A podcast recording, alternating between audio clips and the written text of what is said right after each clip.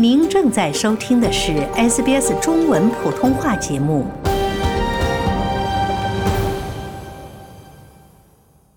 听众朋友们，大家好，您现在正在收听的是《闲话澳洲》，我是雨夜。今天呢，我们要来和大家谈一谈在日常生活中非常常见的过敏反应。很多人来澳洲之后呢，都是会发现自己不知不觉中就患上了花粉症。有的是在来澳洲一年两年之后，但是有的呢却是来澳洲之后七八年都没有什么反应，但是有一天忽然发现自己开始对花粉过敏了。那今天呢，我们就来说一说，在澳洲可以说是非常常见的过敏的反应。那不仅是有对花粉的过敏，很多人也是会对食物出现一些过敏的情况。那在日常生活中，我们应该去如何鉴别自己是否产生了过敏反应？那生活中常见的过敏源又有哪些呢？今天呢，我们还是请到了特约嘉宾 Helen Lewis。Helen，您好。雨夜好，听众朋友们，大家好。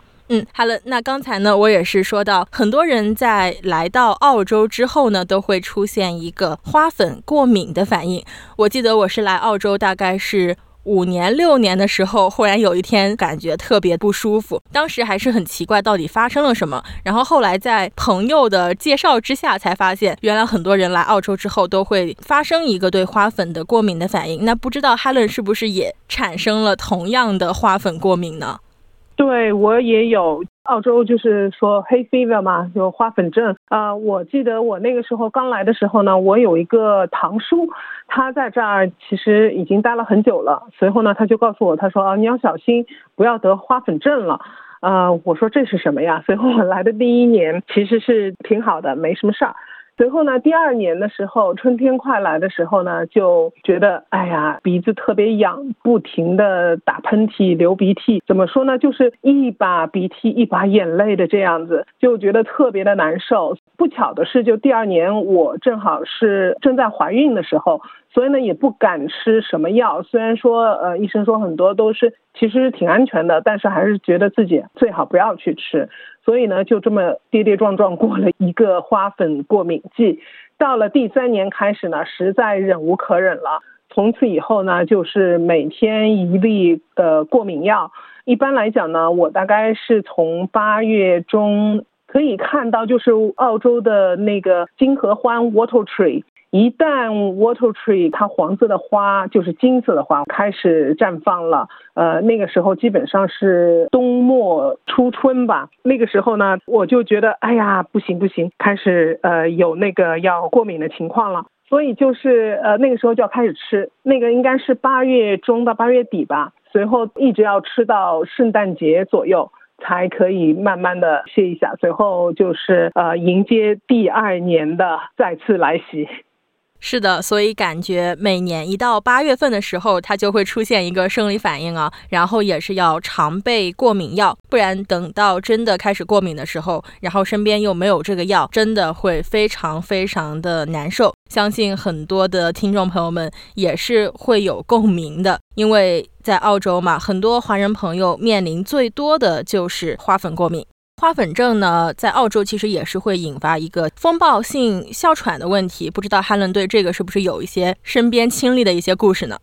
在那个雷暴性的灾害天气之前呢，呃，的确是空气内的花粉密度特别高，尤其是正好就是花粉症肆虐的那几个月吧，也是就是这种天气容易产生的那几个月。所以呢，呃，我记得就是有一年 thunderstorm asthma，就是暴风雨雷暴天气呃引发的哮喘。所以呢，有一年就是特别的严重，很多人哮喘并发。他们虽然说有那个 Ventolin，就是那个气雾剂，但是不一定都能够解决迫在眉睫的问题嘛。所以有一年，就是有很多人是因为这个原因到医院救治不及时而去世了。所以呢，从此以后就是一旦这个天气有可能发生，呃，一般气象台啊都会预报，就是叫有哮喘的人一定务必务必要当心，就是尽量门窗关紧，不要出去。嗯，记得有一年在墨尔本的时候，好像就是有这样一场超级雷暴吧。紧急服务部门，他是收到了非常非常多的求助电话，然后很多都是关于家中有孩子，就是因为这个空气中的花粉含量太高，而是引发了哮喘，也有可能是因为这个暴雨或者是这个天气太过于潮湿啊。导致花粉粒它是吸收了水分，然后爆裂，所以空气中就是有很多的花粉的孢子，所以这个也是给大家带来了一定程度的困扰。所以说，如果您家中呢是有患有哮喘的儿童，在遇到这种雷暴天气的时候呢，也是要多多的做好一些准备的工作，来预防这种事件的发生。那除了花粉过敏之外呢，在生活中其实还有非常非常多常见的过敏源，还有一个非常常见的过敏源呢，就是食物。那想请问一下，Helen，在澳洲我们常见的食物过敏源都有哪些呢？嗯，我觉得其实最常见的可能就是坚果类的吧，尤其是花生，这个可能是最常见的。随后呢，牛奶啊，就是乳制品之类的，还有鸡蛋。这个呢，一般来讲就是小宝宝出生之后，从我工作中接触到的就是小宝宝检查身体。一般来讲呢，呃，有的时候，呃，母婴保健护士啊，会在小宝宝开始吃辅食的时候，让爸爸妈妈给他们吃一点点，怎么说呢，就是舔一口那个花生酱，最后看看有什么反应，因为有些宝宝就是会有花生过敏。好像是近期的研究表明，就是如果较早的把这种食物介绍给他们去吃的话，可能会抑制后期产生过敏的情况。所以一般呢都会说从一点点开始吃。鸡蛋呢也是，都是说先吃蛋黄，随后呢吃蛋白，一点点知道是没有事之后，才让他们就是完全可以就吃这一类的食物了。嗯，那刚才哈伦也是说到了花生，然后鸡蛋、牛奶都是一些在澳洲非常常见的过敏源。那还有一个非常常见的过敏源呢，可能就是坚果了。记得我有一个亲戚的孩子呢，他是不能够吃任何的坚果，所以在每一次聚餐的时候，我们都得万分小心。但是就像哈伦所说啊，如果是从小给孩子们去接触一些可能他们会过敏的食物的话，可能会在这方面有一些帮助。那在澳洲有没有一些方法可以去提前预知自己可能的一些过敏源呢？呃，首先呢，我呃，我想我们应该说一下，就是我们这儿说的过敏啊，我们就把这一些对食物或者对一些物品的或者药品啊那些反应，就把它统称为过敏。嗯，其实呢，真正导致这种过敏，我们觉得是就是真正导致这种反应的原因，不是完全都一样。所以呢，其实有的呢是过敏，有的呢是不耐。呃，就像比如说我们说的那个。牛奶其实牛奶很多是因为乳糖不耐，我们之后可以多讲一下。但是它其实原因跟最终的症状还是有区别的。但是我们就是作为今天话题，呃，我们聊一聊的方式来讲呢，我们就暂且把它通称为过敏，而不是就是特别学术性的把它去分开。因为就是事实上生活中我们也都把它通称为过敏。随后呢，在澳洲，如果想知道孩子对什么有过敏呢，他们会有过敏测试。一般呢，就是我们说的皮试吧，他就会用各种的过敏源在皮肤上就给你穿出一个小方块，随后呢，就上面给你进行一下测试，随后看哪一个方块是有反应的，比如说皮肤发痒、发红、发肿啊，那他就知道就是这个孩子之后可能会对什么有过敏。但是呢，呃，一般来讲，这个不是说每个孩子都必须测一次，只是觉得，哎，这个孩子好像对哪一样东西有过敏，那以防万一，就是去再测一下，还对其他东西会不会有过敏？嗯，所以说，在这个幼儿时期去给孩子做这样的一个测试也是非常有必要的，因为虽然说食品过敏呢。只是影响相对来说比较小的一部分人，但是在澳大利亚，食品过敏却是越来越常见了。根据相关的研究来说呢，这个食物过敏或者是食品过敏发生概率在婴儿中大约是百分之十左右，然后在儿童中呢大约是百分之二十左右，在成年人当中呢相当于是百分之二左右了。所以说，越是比较小的孩子，在这方面越是要去注意一下。说到这边呢，可能有些家长会感到有一些恐慌。那万一我是一不小心给孩子吃了他们可能会过敏的食物，应该怎么办呢？应该去注意哪些症状呢？那 Helen 在遇到过敏的反应的时候，家长一般可以去关注哪一些相关的症状呢？呃，一般呢可以看到，就是因为我有朋友，他是对芝麻还有核桃哦，还有坚果，就一般的坚果，核桃尤其厉害。所以呢，有一次就是，哎，怎么说，是一个比较长的故事，但是我就长话短说吧。因为我另外一个朋友呢是对麸质过敏，和呃坚果过敏的朋友过生日的时候呢，麸质不过敏的朋友去买了一个蛋糕。他买了一个认为大家都可以吃的蛋糕，因为是一个 flourless chocolate cake，就是没有面粉的蛋糕，因为他对麸质过敏。但是他没有意识到，没有面粉的蛋糕也就意味着这个蛋糕是用呃杏仁粉来做的。所以呢，我那个朋友吃了一口，当时他的描述就是他的嘴唇就有那一种麻麻的感觉，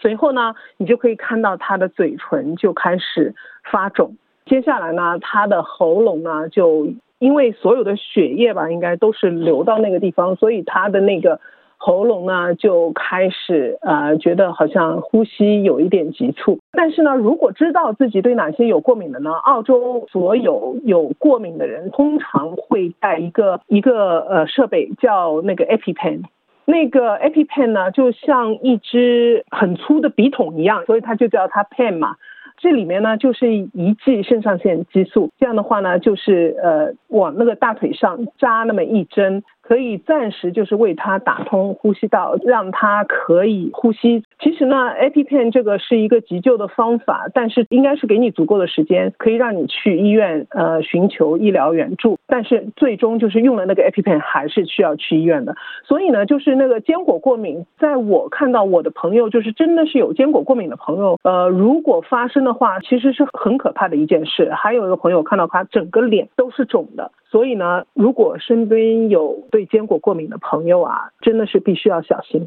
嗯，除了 Helen 刚刚说的，相对于来说比较严重的症状，那常见的还有，比如说是流鼻涕啊、鼻塞呀、打喷嚏啊、气喘、呼吸困难、咳嗽、起皮疹、头痛、恶心，然后感到疲劳的这些症状。所以说，大家也是千万不要去小看过敏。那刚才呢，Helen 也是提到了，呃，肤质过敏，说他是有一个肤质过敏的朋友，是不可以吃麸质的。对，对我那个朋友呢，其实他不是就是从小就知道他有肤质过敏，但一直就是非常正常。但是呢，突然之间就是应该是在他四十多岁的时候吧，他就觉得他非常的不舒服，好像一吃东西他就会拉肚子。随后呢，就辗转多个医生进行检查，最后就是化验出来他是麸质过敏。麸质过敏呢，就是不能吃麸质嘛，就是麦类食物里面的一个成分。所以呢，这样的话就是他不能吃面包。麸质过敏就是 gluten free，gluten free 就是说不能吃有麸质的东西。嗯，但是麸质过敏它本身是有一个词的，叫 celiac，它是一个病症，所以呢叫 celiac disease，它也是一个自身免疫的系统疾病，所以呢他不能吃所有带面粉的东西，也就是说刚才说的那个故事，他为什么去买了没没有面粉的蛋糕？很可惜，就是坚果过敏的朋友就不能吃了。但是据我就是我身边的朋友观察，以及呃我从他们那里得到的经验来讲呢，坚果过敏呢比较厉害，而且呢它有可能会致命，因为如果救助不及时的话，你想如果呼吸道封闭没有办法呼吸，那可能会致命。但是坚果过敏呢比较容易避免，因为在日常生活中其实避免坚果还是不是那么难。但是肤质过敏呢，它没有坚果过敏的反应那么严重，一般呢都是肠道的不舒服。这不舒服当然来讲，对肤质过敏的人来讲也是非常严重的，但是一般来讲不会致命。但是日常生活如果出去吃顿饭呢，对那个肤质过敏的人来讲，可能就更难把有肤质的东西都去掉。比如说我们中国人吧，我们华人，华人的话呢，中国的酱油，它那个生产方式呢，一般来讲里面是会有含肤质的，因为它会有麦芽。我也是从我那个朋友被诊断肤质过敏之后，你想想我认识这个朋友十年。十年之后，他才刚刚诊断出有肤质过敏，所以我也是从他诊断之后我才知道，哦，原来酱油里面居然也有肤质啊！还有呢，就是很多一些东西，就比如说去中餐厅吃饭，就比如说一些油炸的东西就要看，如果裹的是面粉，它就不能吃。勾芡的话，大多数我们知道勾芡一般是用那个玉米淀粉呐之类。澳洲呢也有用从麦子里面提炼的淀粉，但如果是用这个也不能吃。所以呢，肤质过敏我觉得还是挺可怜的。如果出去吃饭呢，就是陷阱到处都是。是啊，感觉非常难避免啊。而且是如果是去中餐厅吃饭的话，很多菜它都会用到酱油啊，或者是醋啊。这两者在发酵在制作的过程中都是会使用到麸质的。而且现在我们在社交媒体上也是看到了很多人都在推崇的一种无麸质的饮食，这个可能并不是跟他们自身存在这样一个过敏反应有关，而更多的是一种生活或者是饮食上的一种选择。那 Helen，就你来看，这个会对真正那些对麸质过敏的人来说会有一些影响吗？是不是他们在生活中就更难去避免吃到麸质了呢？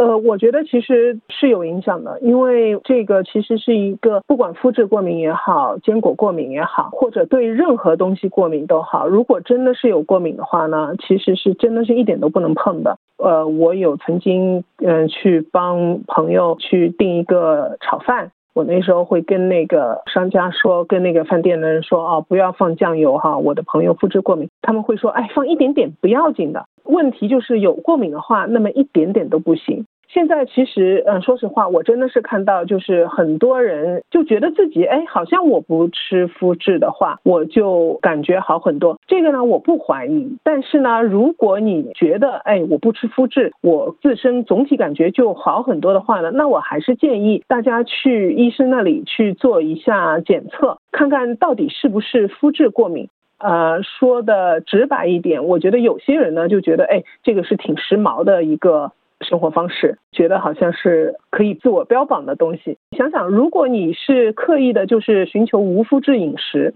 但是呢，你去了饭店，饭店一不小心给你上有麸质的东西。你吃了叫没有什么反应，那么对饭店来讲的话呢，他们就觉得哦，那个就不是一回事啊，说明没有那么严重。那么如果真的是有肤质过敏的人去了那家饭店，那饭店也有可能想，哎，上一次那个呃无肤质的人吃的觉得没问题。那你应该也没问题啊，这样的话就对真正有过敏的人来讲就比较危险了，所以我觉得这个就不是呃一件好事。就是如果没有过敏，只是作为一种生活方式的话呢，你可以说你不喜欢吃这个，但是你不能说我是肤质过敏，不然的话就会对这个社会来讲就会是一种误解。呃，那大家都觉得哎这不是一回事，这样的话对真正有这个情况的人就非常危险。没错啊，可能有一些饭店在接待了很多标榜这个无麸质饮食的人之后呢，就会降低他在无麸质方面的一个标准，因为觉得即使你吃了之后也没有一个太大的问题。但是如果是真正的完全不耐受的，会产生严重过敏反应的人来吃之后呢，可能这就是一个另外一个让人比较心酸的故事了。